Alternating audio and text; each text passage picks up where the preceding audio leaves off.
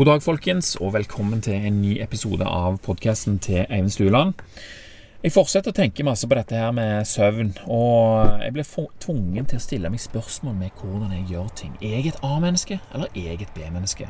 Jeg tror jo at jeg har vært begge deler, men jeg finner jo ut i boka at dette her er genetisk bestemt. Jeg legger òg merke til nye ting etter hvert som jeg får nye ting å forbinde dem med. Sant? Etter hvert som jeg leser nye ting i boka, så dukker det opp andre ting som jeg tenker å ja, det passer jo med det, osv. På baksida av denne boka her så står det flere ord som beskriver effekten av å lese den. Life-changing, vital, a life raft, raft, compelling and utterly convincing. For min egen del så begynner dette her å ligne ganske mye på en livsendring, altså. I hvert fall i forhold til hva jeg forstår foreløpig. Så nå kommer det altså litt mer potensielt livsendrende informasjon til deg her fra denne boka, som jeg så varmt anbefaler. Ikke bare nøy deg med hva jeg sier nå, men la det være en teaser for å finne ut enda mer. Og Det jeg kan begynne med i dag, da, er å fortelle at det er jo noe vi alle vet. Kroppen har en innebygd døgnrytme. Men til tross for dette her, så tror vi at vi kan styre en sånn tønn. Skal bare snu døgnet, det går fint, jeg tåler det, jeg er vant med det. Men det er lettere sagt enn det er gjort. Kroppen vår følger denne rytmen her, uavhengig om det er lyst eller mørkt, og uavhengig om du er våken eller du sover. Det er en slags indre klokke, og det er jo ikke bare du og jeg som har den. Planter til og med har denne her klokka, så da kan du tenke deg hvor dypt i systemet vårt egentlig sitter. Det første eksperimentet som ble utført i denne forbindelse, her var da en fransk geofysiker i, 19, nei, 19, i 1729 satte en plante i en helt mørke boks. Og Den planten som var i den boksen, den var kjent for å brette ut sine blader og la de bades i sollys, for så å de nærmest visne gjennom natta når det ikke var lys lenger. Og Det vanlige var å tro at dette her skyldtes sollyset, sant? at han åpna bladene når sola traff han. Men når Jean-Jacques, som han heter, titta inn i den mørke boksen midt på dagen, så kunne han se at planten hadde bretta ut bladene sine som om det var sollys, til tross for at det faktisk var totalt mørke. Så planter har altså en indre klokke som fungerer uavhengig av lys og mørke. Interessant. Har vi sjekka dette her på mennesker? Jo da, noen har testa det òg. Forskerne Clateman og Richardson gjorde seg sjøl til forsøkskaniner her. De pakka seks ukers proviant og vandra dypt ned i Mammoth Cave i Kentucky, som er visstnok en av de dypeste hulene i verden. Og Dette var i 1938, da. Og de dro så langt ned i grotta at dagslys ikke hadde sjanse å nå fram. Og Her satte de opp campen sin. Termometer og all slags målegreier og sånt hadde de liksom der i midten, og satte sengene sine i, i bøtter med vann, stolbeina der, så ikke de skulle få sånn eh, kravlekrypende på seg, osv. Og, så og så var de der nede. Jeg tror ikke de var der alle seks ukene, men de var der i over en måned iallfall. Og det de fant ut, var at jo, de hadde en døgnrytme men at den i total isolasjon fra dagslys ikke gikk nøyaktig 24 timer i døgnet. Han var litt lengre enn det, og det var heller ikke like langt for disse forskerne. Det var litt grann forskjell. Og Det er derfor det heter circadian rytme. Cirka. Sant? En cirka døgnrytme. Og denne her den endrer seg jo òg som mye annet gjennom livet, bl.a. etter hvor gammel du er. Sant? Så det er, altså ikke, eh, det er altså ikke nok med denne her indre klokka. Den gir bare et slags anslag om hvor lenge et døgn har vart eh, hvis alt lys er ute, vel å merke. Mens det er flere andre faktorer som spiller inn her, som stiller på denne klokka. Dagslys, selvfølgelig. Når vi spiser, når vi er sosiale, og når vi gjør andre ting, eh, er faktor som hjelper på denne stillinga av den litt unøyaktige klokka som vi har i kroppen vår. Eh, og det er jo derfor vi kan, liksom, hvis vi har jetlag seks timer, så vil vi da sakte, men sikkert kunne justere det med disse her utenforstående faktorene og så kan vi eh, bruke litt tid på å justere den. Men sånn, vi klarer det jo, det var jo det jeg sa i begynnelsen, at vi ikke klarer det. Men vi klarer det, men det er veldig krevende. Og det, eh, det, det skjer veldig mye i kroppen i løpet av den tida der, eh, før du har kommet fram, på en måte. Så døgnrytmen den beveger seg altså jevnt og trutt, uavhengig om du sover eller utsettes for mørke eller lys. Den stiger fra like før du våkner. Så, så begynner, Hvis du ser for deg en graf, så går liksom i sånne bølger. da, Så stiger den like før du våkner. Eh, hvis du har eh, sovet vanlig natt med søvn, da våkner naturlig. Og så stiger den da fra morgenen, og så når han toppen ut på dagen en gang, litt ut ifra om du er A- eller B-menneske. Og så går han ned igjen og sørger for at du finner det for godt å legge deg på kvelden når du har vært våken lenge nok. da. Sant? Og det er litt forskjellig hvordan denne her døgnrytmen funker, alt etter om du er A- eller B-menneske. Noen blir tidlig trøtte og våkner tidlig, Andre kan sovne seint og trenger da å ligge tilsvarende lenge om morgenen. Omtrent 40% av oss er såkalte A-mennesker, som foretrekker å legge seg tidlig og stå opp tidlig. Ca. 30% er B-mennesker, og så resten, 30 da, de er sånn midt imellom, med en liten helning mot B. Og En teori går ut på at dette gjorde, hele flokken, gjorde at hele flokken, når vi var flokkedyr, flokkdyr, totalt sett at alle sammen sov i færre timer enn hvis alle sover samtidig. Sant vel? Noen er lenger oppe om kvelden. Sant? Hvis noen er våken til to, da, og noen står opp klokka fem, ok, da har du de timene imellom der alle sover, istedenfor at eh, alle sover fra ti til seks, f.eks.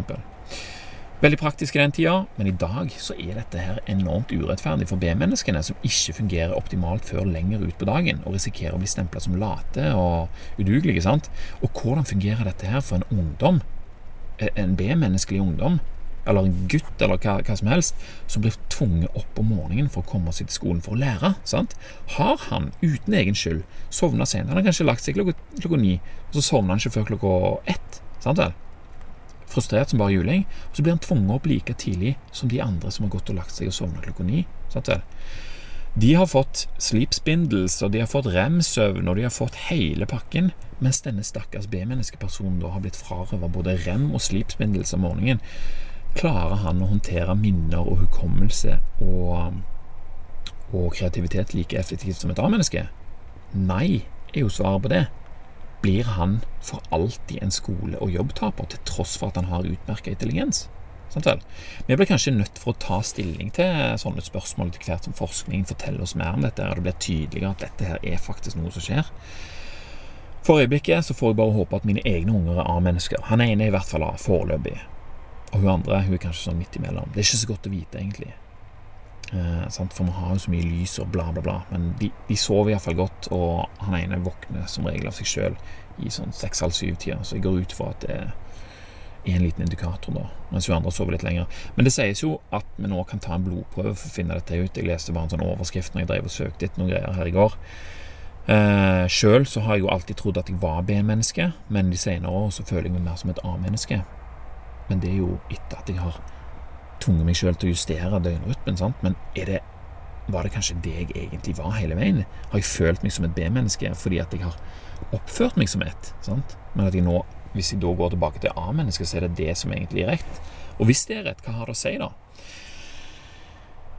Så snart øynene mine oppfatter sollys, så vil nivået av melatonin senke seg. Sant? Melatonin er jo det hormonet som regjerer på en måte hjernen når, når vi sover, eller i kroppen. Og så er det serotonin som får, uh, som får, overta. Og Mange tror jo at det er melatonin som får deg til å sovne. At vi kan ta det som en slags uh, naturlig sovemedisin. Men det stemmer ikke helt. Melatonin produseres av pinealkjertelen idet den gjenkjenner at det er mørkt. Så enkelt som det, rett og slett. Og den sørger ikke for at du sovner. Den sier bare ifra til resten av kroppen at nå er det faktisk kveld at det, nå, nå, kan du stille den uh, circadian rhythm etter at det er kveld, og så kan resten av kroppen klargjøres for sovning liksom ved hjelp av andre, andre og, prosesser. da. Og som det ble skrevet i boka, så er melatonin mer som den personen som starter et løp på et friidrettsevne. Han sier at løperne ja, ja, gjør dere klare? Til startplassene, sant? og så pof, sender han av gårde startskuddet. Men han er ikke med sjøl. Han bare uh, sier ifra hvordan det er. Og så er det de andre prosessene som sørger for selve innsovningen. Og En av de som det var en fornøyelse å lære mer om, er hormonet adenosin. Dette var noe som jeg aldri hadde hørt om før jeg leste om det i denne boka. Jeg hadde på en måte hørt om det, eller jeg skjønte jo at det var noe som fungerte noenlunde på denne her måten her, men jeg hadde ikke festa det til noe så konkret som det jeg fikk vite nå. Og adenosin er altså et hormon som genererer det som kalles for sovetrykk. Digger det ordet, forresten. Sovetrykk. Sovetrykket det øker desto mer adenosin som finnes i hjernen. Og desto lenger du er våken, jo mer adenosin finnes det i hjernen. Er du med på den? Adenosin bygges altså opp fra du våkner, når det er på det laveste, og så stiger det helt til du sovner. Da fjernes det igjen mens du sover. Ganske kult. Og det som òg er ganske kult, er at sovetrykket og døgnrytmen, som begge styrer hvordan du føler i forhold til søvn, opererer uavhengig av hverandre.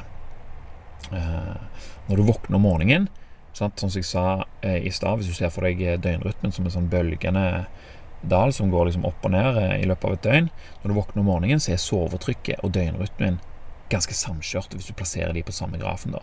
Adenosin fortsetter å stige utover dagen, og det samme gjør døgnrytmen.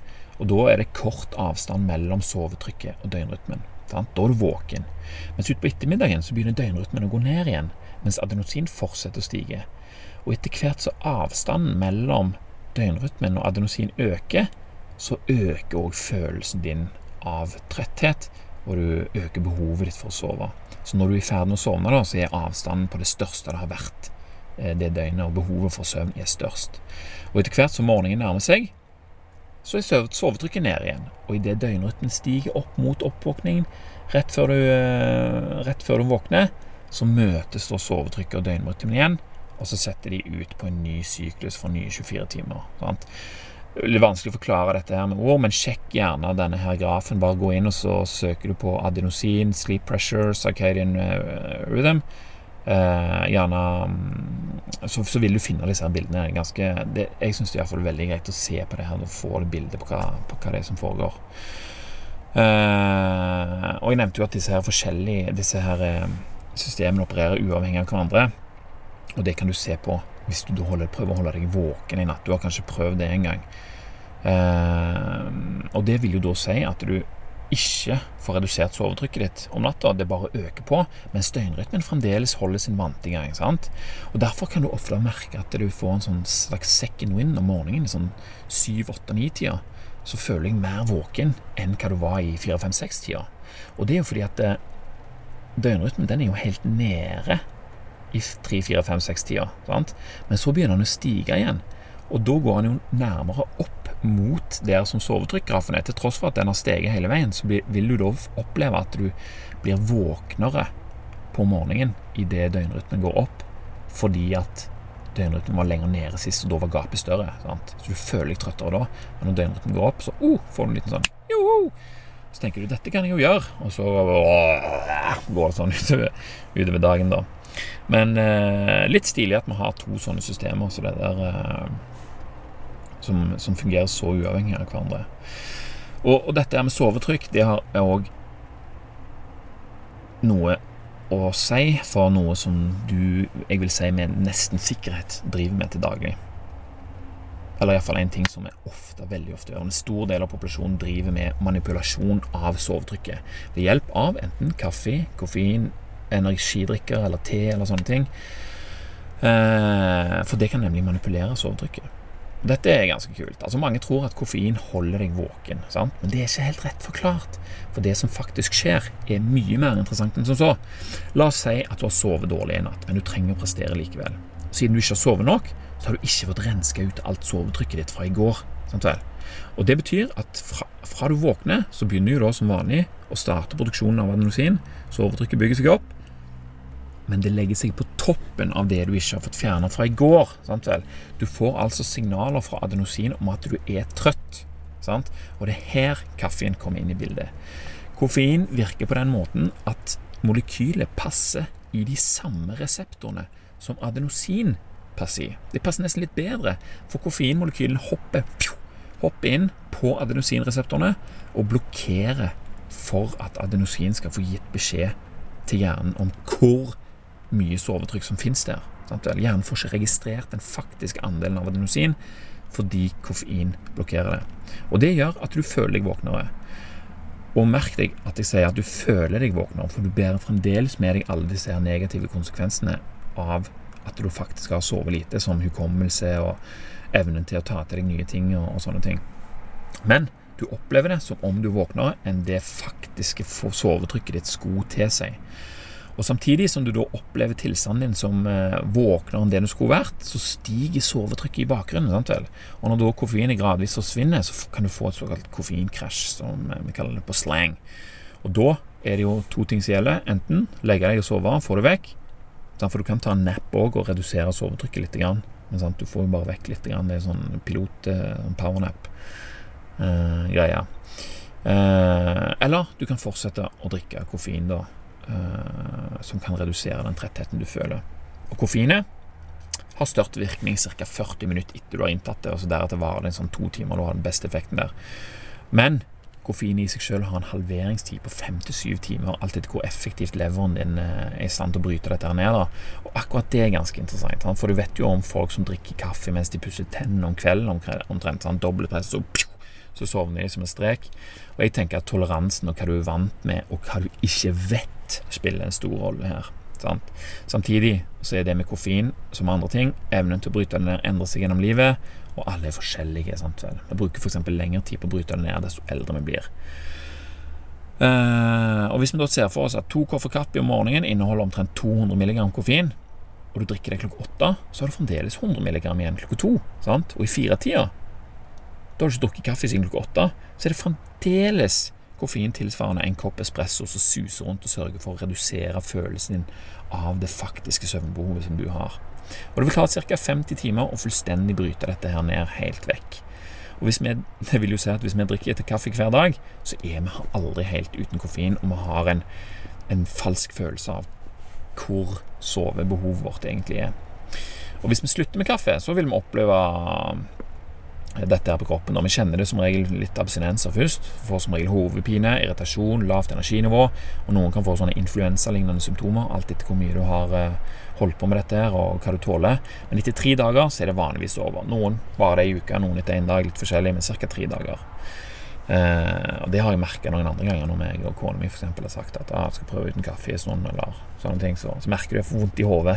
Eller hvis du har glemt å drikke kaffe en dag, så tenker jeg faen, jeg har vondt i hodet i dag. Så er det ei, jeg har ikke drukket kaffe ta en kopp kaffe. Woo! Så er du tilbake. Uh, men i forbindelse med alt dette her Det var jo veldig spennende å finne ut det her uh, mer om hvordan koffein virker. Og I forbindelse med så kom jeg over ei side som kan uh, tipse om her som heter Caffeine Informer.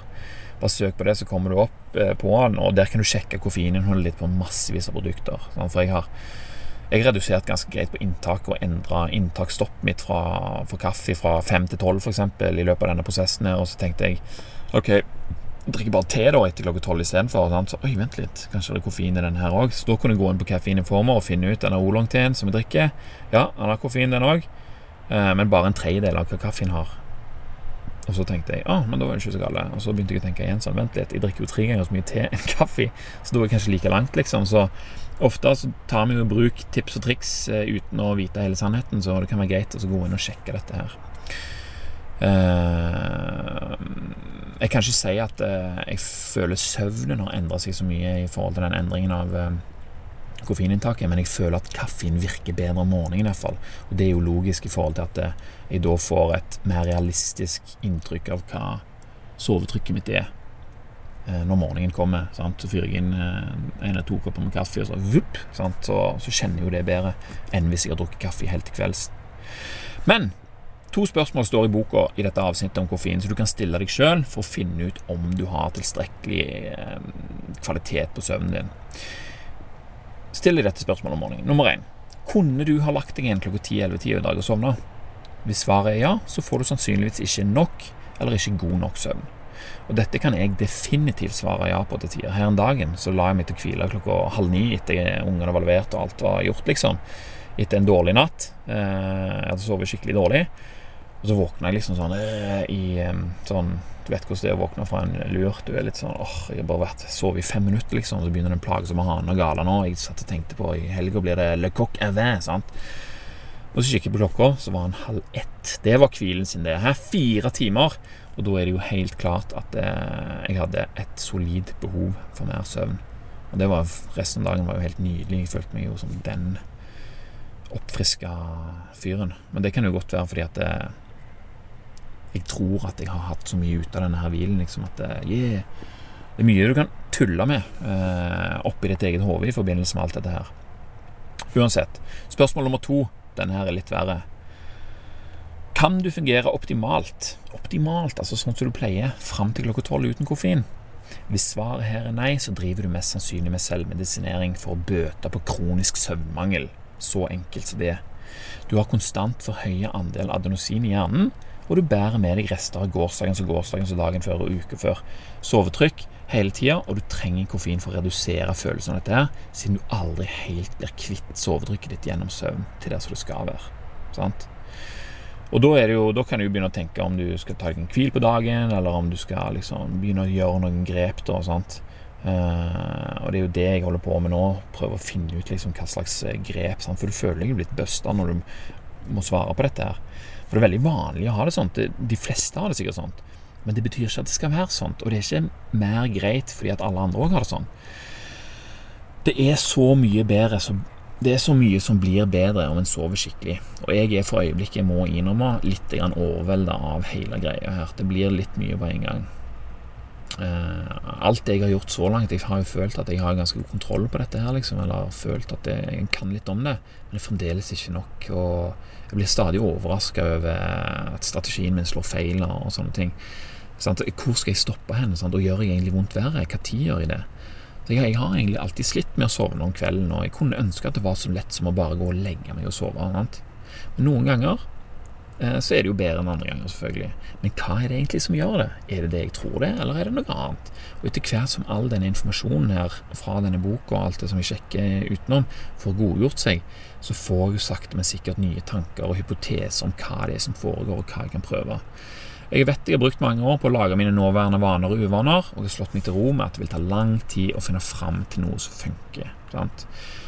Uh, og det jeg ofte opplever, er at jeg kun får skikkelig gode netter, sånn åtte, timers natt, liksom, uh, der du våkner om morgenen og bare yeah! Alt er bare konge, liksom.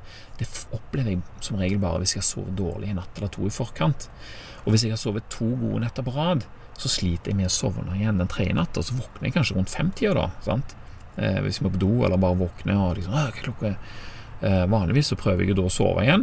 Noen ganger går det raskt, men andre ganger så skjer det ikke. Hva betyr det? Sant? Av og til sovner jeg fem over fem, mens andre ganger ligger våken til klokka seks. Da, sant? Så får jeg sove en halvtime til til klokka halv sju, så da jeg har planlagt å stå opp. Og, så, og, og da har jeg jo bare fått en, eh, en tredjedels syklus, liksom. Og øh, sant? begynner å tenke så sykt mye. Og liksom, hva betyr dette her? Betyr det at det egentlig er et annet menneske på ekte? At det er rundt klokka fem som er mitt egentlige oppvåkningstidspunkt i forhold til det som DNA-et mitt ønsker? Og hvis jeg står opp klokka fem, vil jeg da være i stand til å bygge opp nok sovetrykk til å enkelt sovne i nitida igjen? Har jeg bare blitt manipulert av mine omgivelser og mitt eh, egne uvitende til å gjøre helt feil helt fram til nå? Uten å vite, liksom. Det er ganske mulig. Jeg har jo perioder der jeg gjør dette. Står opp klokka fem og legger meg sånn ni-ti-tida. Og det fungerer egentlig ganske bra. Men det er vanskelig, sant vel?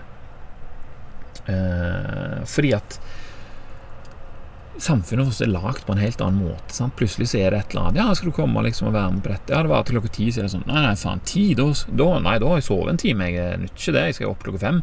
Det, det, er liksom så mange ting som gjør at der blir veldig krevende. Sant? Er det i det hele tatt mulig? Sant?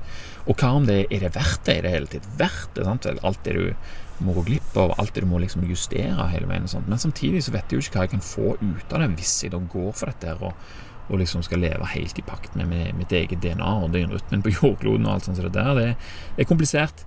Vi lever jo ikke som en stamme lenger og drar jo ikke fordel av at noen sover tidlig og seint, sånn som vi gjorde før. Uh, jeg vil kanskje sove bedre, få en annen opplevelse av det å leve hvis jeg går for denne endringen her. Men det er så omfattende at jeg lurer på om det er verdt det. Legge seg klokka ni og sove klokka fem resten av livet, liksom. Uh, og Så kommer spørsmålet om hva det vil ha å si for alderdommen. og sånne ting Der har du kanskje noen sinnssyke fordeler igjen. Og uh, sant? Overvelda, som jeg sa. Det fins jo tester en kan ta for å finne ut om en er en morgenperson eller en kveldsperson. A eller B. Jeg tok en sånn test som jeg fant på internett. Ikke en sånn en veldig grundig en, men uh, en sånn som gikk ut ifra liksom Når føles det rett lettest ut for deg at du vil jobbe med en oppgave du liker i fire timer, liksom. Vil du starte mellom åtte og ti, eller mellom tre og fire, liksom? Og sånt. Det var en del sånne spørsmål. Og der kom jeg fram til at jeg var en A-menneskeperson, sant? Hm, har jeg vært det hele livet? Jeg vet ikke. Er det lys og andre stimuli i omgivelsene mine som har gjort at jeg har trodd at jeg er et B-menneske? Kanskje det. Jeg vet iallfall at eh, i ungdomstida så var jeg så sosial. Jeg hadde det sånn FOMO, fear of missing out. At de liksom måtte være med på alt og henge med alle. Sant? Så pff, kanskje det var med på å ødelegge for uh, den egentlige personen jeg var, som var A-menneske. sant? Jeg vet ikke.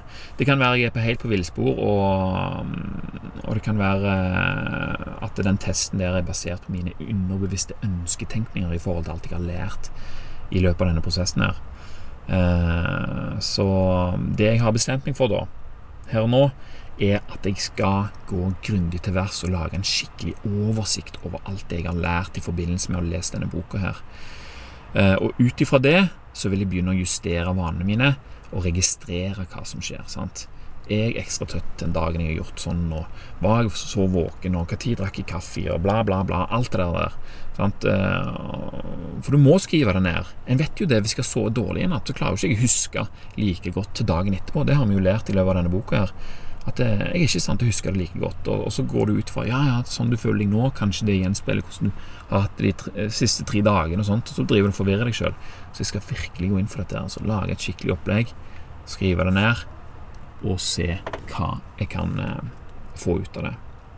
For jeg må gjøre det nå, mens jeg er ennå interessert. Smi mens jernet er varmt, for å si det sånn. Det er verdt et forsøk, og gleder meg til å se hva jeg finner ut av. Og det var det for i dag, folkens. Takk for at du hørte på. Vi snakkes neste gang.